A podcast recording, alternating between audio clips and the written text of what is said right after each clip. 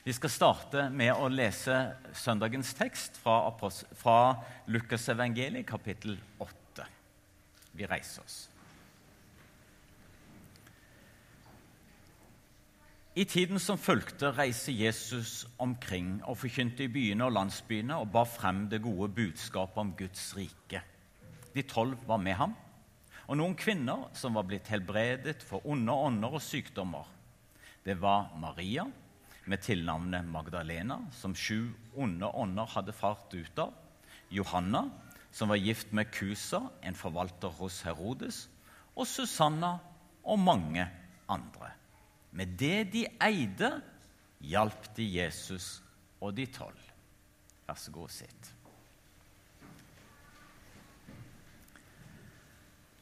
Her i Lukasevangeliet så hører vi om kvinnene allerede i kapittel 8.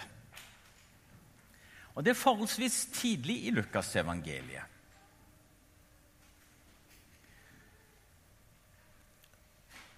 Og i to kapitler etterpå, i Lukas kapittel 10, så hører vi om 72 andre som Jesus sendte ut på lignende vis som han sendte ut apostlene. Til å forkynne om Guds rike og til helbrede. Hvis vi går til Markus, derimot, så får vi inntrykk av å høre en fortelling som handler om Jesus og de tolv som fulgte ham, og mennesker som disse møtte. Men det er liksom disse tolv som følger Jesus, synes det som når vi hører fortellingen fra begynnelsen av. Så når Judas forråder Jesus, når disiplene flykter i Getsemane, og Peter fornekter Jesus, og Jesus til slutt dør på korset, så kan det se ut som at alt og alle har sviktet. Men nettopp der, når Jesus dør på Golgata, så forteller Markus noe lignende. Og Da er det liksom en sånn flashback tilbake til hva som skjedde i Galilea, som Markus har tidd stille om helt til dette punkt. Det var også noen kvinner der som sto på avstand og så på. Blant dem var Maria Magdalena, Salome Maria, mor til Jakob den yngre, og Joses. De hadde fulgt Jesus og tjent ham da han var i Galilea. Det sto også mange andre kvinner der som var kommet opp til Jerusalem sammen med ham. Først der og da så får vi da høre det var noen flere. Så hører vi om en Josef fra Arimathea som er en hemmelig disippel som våger å gå til Pilatus og spør om å få ta ned Jesu legeme fra korset. Så når alle de tolv apostlene, de vi kan navnet på, når de svikter og var ute av bildet, så er det noen andre, usynlige, synes det som frem til da. En rekke kvinner blir særlig løfta frem, men også noen litt sånn i periferien som var litt sånn hemmelige disipler. Så står de der ved korset og Så merker disse kvinnene seg også hvor Jesus blir gravlagt. Og De kommer til graven søndag morgen fordi de ønsker å salve Jesu kropp. Og Det er disse kvinnene da som først kommer til graven. Det er de første som ser Jesus den tomme graven og, og den oppstandende Jesus. Og De er de første som vitner og proklamerer og forkynne at Jesus er oppstanden. De som en knapt har hørt om, de som var usynlige, de ubetydelige, de svikta ikke. De fulgte Jesus helt til korset og gikk også til graven. Og ble de som var de første vitnene til det største som skjedde. Døden kunne ikke holde Jesus. Han er oppstanden. Han lever. Og Når vi kommer til eh, den første kristne kirke, så møter vi i første Korinterbrev noe av det samme med de usynlige som Paulus er opptatt av når han taler om nådegaver. Det er noen som var så synlige, det var noen som en la så mye merke til. Men så fantes det andre i menigheten som var veldig viktige likevel. Og det er dette jeg har lyst til å løfte frem i dag.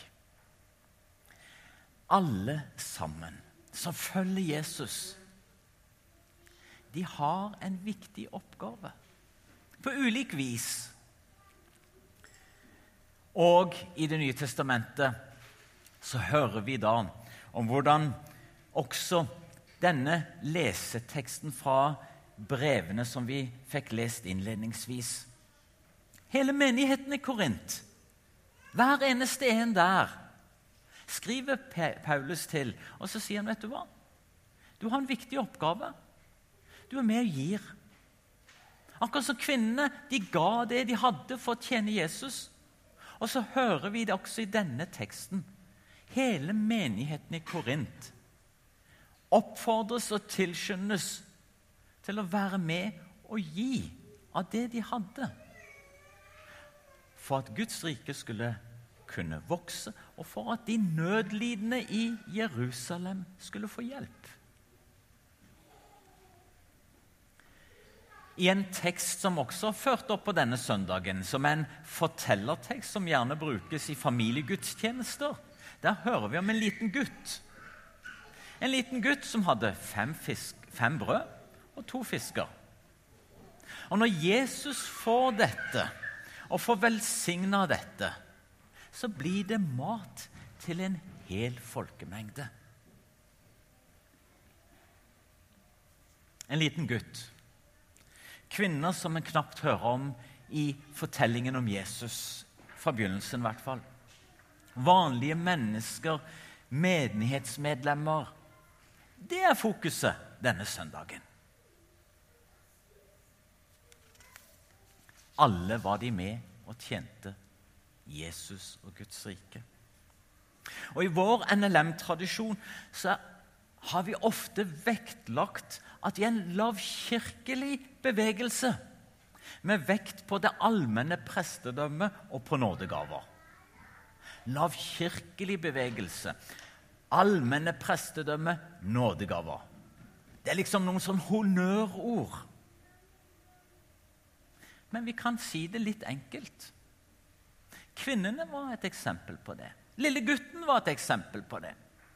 Teksten som taler til alle medlemmene i Korintmenigheten til å være med og gi. Det er det som er fokuset. Og I vår sammenheng så har vi vektlagt nettopp det at hver og en av oss som tror på Jesus Vi er, hører til en stand av kongelige prester som har rett til å komme inn for Gud i våre bønner, og som kalles og utfordres til å vitne hver og en gjennom hva vi sier og hva vi gjør. Du er en kongelig prest på jord. Og det var kvinnene. Og det var gutten. Og det var hver og en i, i Korint. Og så hører vi også om nådegaver. Nådegaver kan noen ganger synes så spektakulært, så spesielt. Men jeg har lyst til å dra det litt ned i dag. For jeg har lyst til at vi skal bli oppmerksom på hva Bibelen faktisk sier om det. Når jeg mange ganger spør hva er nådegave, ja, så kommer ofte disse nådegavene som er lista opp i 1. Korinterbrev, kapittel 12, vers 8.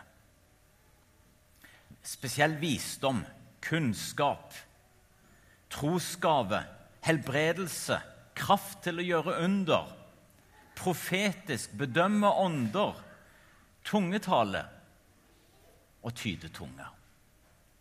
Det er liksom det som pleier å være liksom helt sånn fremme i tanken hvis vi spør hva er nådegave. Og det slår ikke feil, enten jeg er i Etiopia eller jeg spør det til studenter i Norge ofte.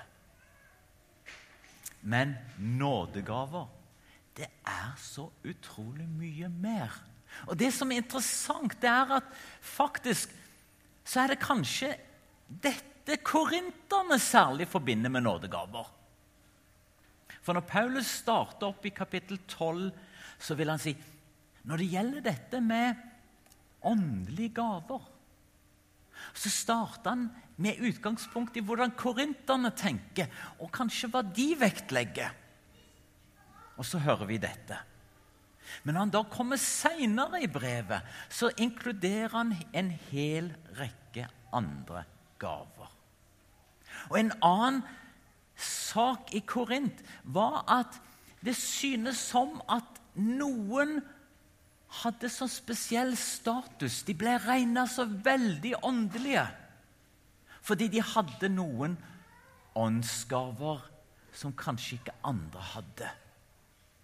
Og så er det to holdninger da som Paulus går i rette med i Korint. Nå skal du se hva det er. Den ene holdningen som hadde bredt seg i den menigheten i Korint, der som kommer til uttrykk om når foten sier 'Fordi jeg ikke er hånd, hører ikke med til kroppen'. Eller om øret sier 'Fordi jeg ikke er øye, hører ikke med til kroppen'. Jeg er så liten. Jeg er så ubetydelig. Det er visst ikke så viktig med meg her i denne menigheten. Høres det fromt ut?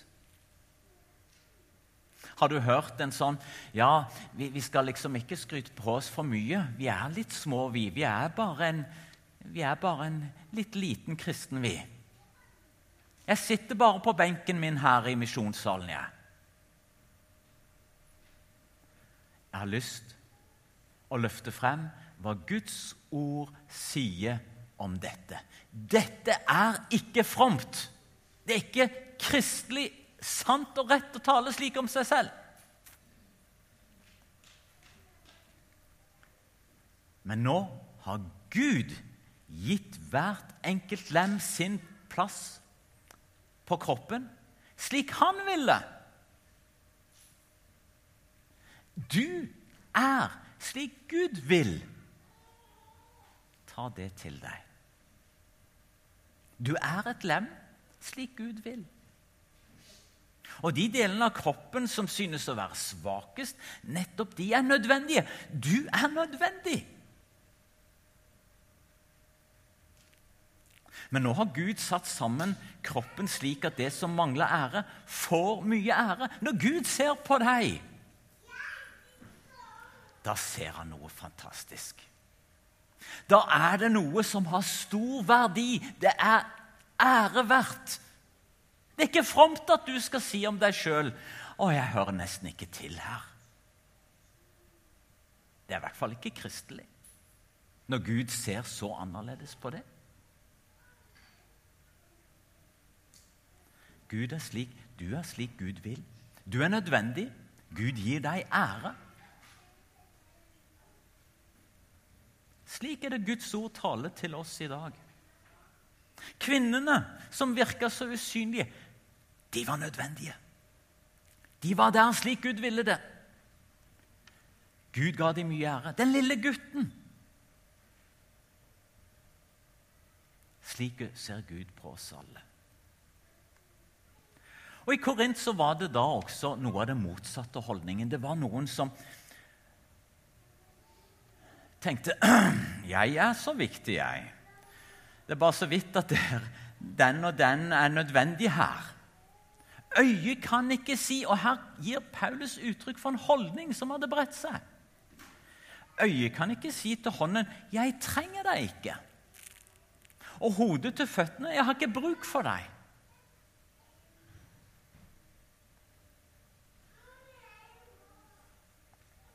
Akkurat det samme svarer Gud og Guds ord til de som synes at de er så veldig mye mer viktige enn andre. Du skal se annerledes på din kristne søster og bror, på det lille barnet som springer rundt her bak. De er slik Gud vil. De er nødvendige. De har mye ære verdt. Og Så skal vi trekke frem en annen tekst i 1. Korinterbrev som er veldig viktig for å forstå hvordan, hva en menighet er. Og Det er teksten i 1. Korinterbrev, kapittel 3, vers 21 ut der. For der er det en sak som Paulus beskriver. Det er noen der i Korint som har fått det for seg at uh, de hører til Peter. Noen sier de hører til Apollos. Og noen de vil heller ha Paulus til leder. Og så er det liksom som at disse enkeltpersonene de er blitt så store, de er blitt så voldsomme, at jeg hører til. Det er liksom den som er noe. Men jeg bare hører til sammen med Peter. Jeg hører til sammen med Apollos eller Paulus. Og da snur Guds ord det, og så sier da Alt hører dere til. Det er menigheten. Enten det er Paulus, Apollos eller Kefas. Det er ikke slik at enkeltpersoner hører til en pastor eller en, eller en generalsekretær eller en biskop eller whatever. Nei. Paulus, Apollos, Kefas, Peter hører menigheten til. Alt hører dere til. Hva er det som konstituerer Guds kirke? Hva er det viktigste? Det er menigheten. Det er ikke paven. Det er ikke pastoren. Det er menigheten. Det er det grunnleggende når Guds ord taler om Guds kirke. Menigheten. Alt hører dere til. Og Det gjentar Paulus faktisk to ganger innen kort, et kort avsnitt. Alt hører dere til. Så når vi skal tenke om hva er en kirke, hva er menighet, så er det alle lemmene som utgjør kroppen. Det er det grunnleggende. Nå har jeg tatt med en nådegaveliste fra en rekke tekster som Paulus eh, har skrevet. Og jeg har på venstre side fra første kor, kapittel 12.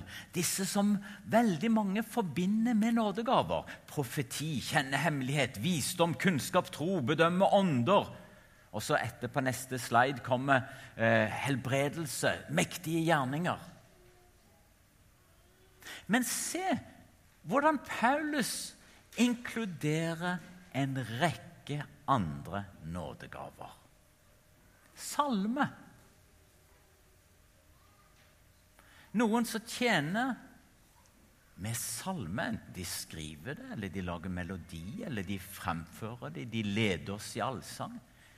Det er en nådegave. Det er en tjeneste. Apostel eller lærer, det forekommer i veldig mange ganger av disse nådegavelistene. Lærdom eller evangelist. Jeg har markert alle disse med rødt. Og hvorfor det? Det er fordi det har med formidling av Guds ord, evangeliet, å formidle Jesus. Og så er det slik at ingen av disse tekstene som nevner forskjellige nådegaver, ingen av de er identiske. Det er forskjellige. Og da er kanskje poenget nettopp det at Paulus ikke gir en utfyllende liste av nådegaver. Men poenget er at det finnes en rekke nådegaver som handler om å formidle evangeliet og fortelle om Jesus. Så overlapper de, men det er nyanser i dette her. Akkurat sånn som på et legeme så er det mange forskjellige lemmer. Det er litt små forskjelligheter, og den forskjelligheten er viktig.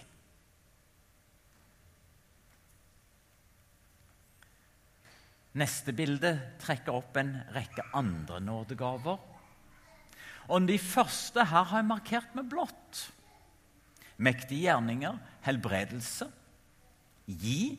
Og Det hørte vi om ganske så mye i tekstene på denne søndagen. her. Kvinnene, av det de eide, tjente de Jesus og de tolv. Og I teksten fra, som ble lest fra 2. Korinterbrev kapittel 9, så handler det om å gi. Når du er med og gir, har du noen gang tenkt på at du har da en nådegave? Det kommer, løftes frem en rekke ganger. Eller hjelpetjeneste. Eller trøste eller vise barmhjertighet. Har du tenkt på at det er en tjeneste som Guds ord sier det er en nådegave? Det er et lem som gjør noe viktig i Guds menighet. Hva er forskjellen mellom trøst og vise barmhjertighet? Eller hjelpetjeneste? Nei, det er ikke lett å si. Og det er kanskje ikke poenget. Men Bibelen bruker en rekke begreper som berører hverandre og har litt ulike fokuspunkter. Poenget er at i en menighet, hvis vi skal være en kristig legeme her på jord, så er det avgjørende at det er nådegaver som viser godhet, som viser barmhjertighet og en hjelpende hånd. Det er et fokusområde for hva det vil si å være en menighet, og hva slags gaver en skal da ha. Og så har jeg tatt med noen andre nådegaver som jeg har markert med grønt. Lede tales det om i første kor 12, og det er en begrep som brukes som nærmer seg administrasjon. Så brukes et annet ord for ledelse i Romerne 12, som går litt mer i retning av nesten kanskje forstander. Og i Efeserne så tales hyrde, og alle disse gavene har noe med ledelse Noen som har noe med å prøve å peke ut en vei, og som har en funksjon i en menighet. En menighet uten en form for ledelse vil ikke kunne være god menighet å være i. Og Så er det overlappende. Og så er det ingen av disse som er identiske i noen av listene. Men da er poenget Noen ganger så hører du Kanskje har du vært i en menighet hvor du blir utfordra på har du tatt nådegavesjekken. Hvilke nådegave har du? Og Så prøver du å lese i Bibelen og så finne ut har jeg den eller den eller den. Kanskje skal vi senke skuldrene bitte lite grann. For denne listene som Bibelen her viser, det handler om tre viktige områder. Er du med å formidle evangeliet? Formidler du, vitner du om Jesus gjennom ord? Er du med å vise godhet og barmhjertighet? Diakoni. Og det tredje har du en eller annen form for ledelse, administrasjon, et eller annet. De tre områdene skal det være plenty av mulighet for at du som er her i misjonssalen, kunne si til deg selv Vet du hva? Jeg har en oppgave. Jeg er et lem på dette legemet som er misjonssalen, eller en annen plass du velger å gå. Men poenget er du er et lem som er ment å ha en tjeneste.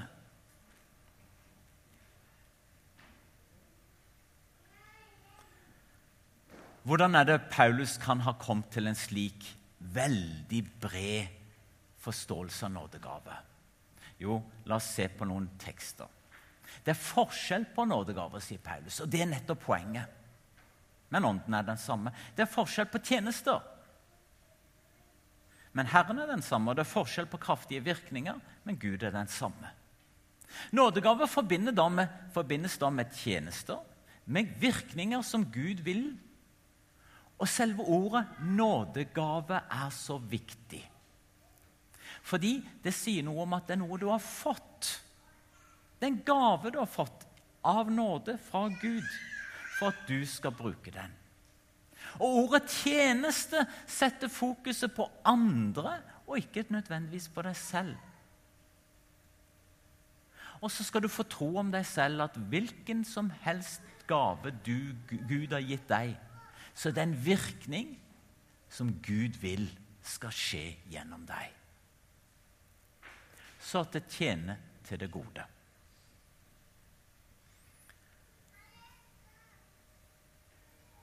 Paulus taler om legeme.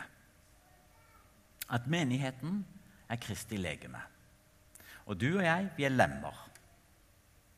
Jeg har lyst til å gjøre deg oppmerksom på én ting. Når vi leser i første kor, kapittel 12, vers 12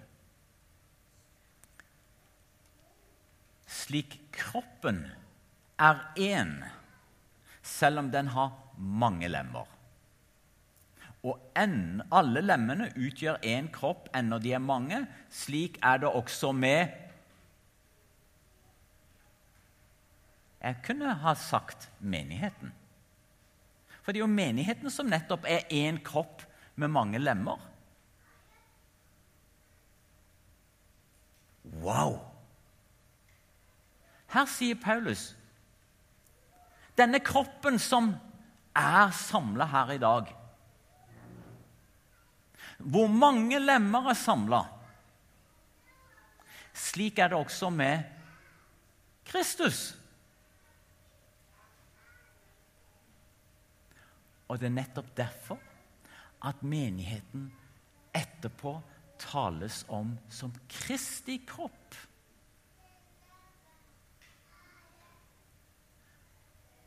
Hører du til Kristi kropp? Er du et lem som er kobla på kroppen? Eller er du en som prøver å spille solo og kjøre ditt liv og leve helt uavhengig av menigheten? Her sier Paulus og Guds ord noe veldig viktig. Når vi kommer sammen, når vi er her, eller i andre menigheter Slik er det også med Kristus. Vi skal se på oss selv og forstå menigheten, Guds kirke. Slik er det også med Kristus. Det er Kristi kropp. For et perspektiv! Og det gjør det så viktig at du er en del av en kropp, av en menighet.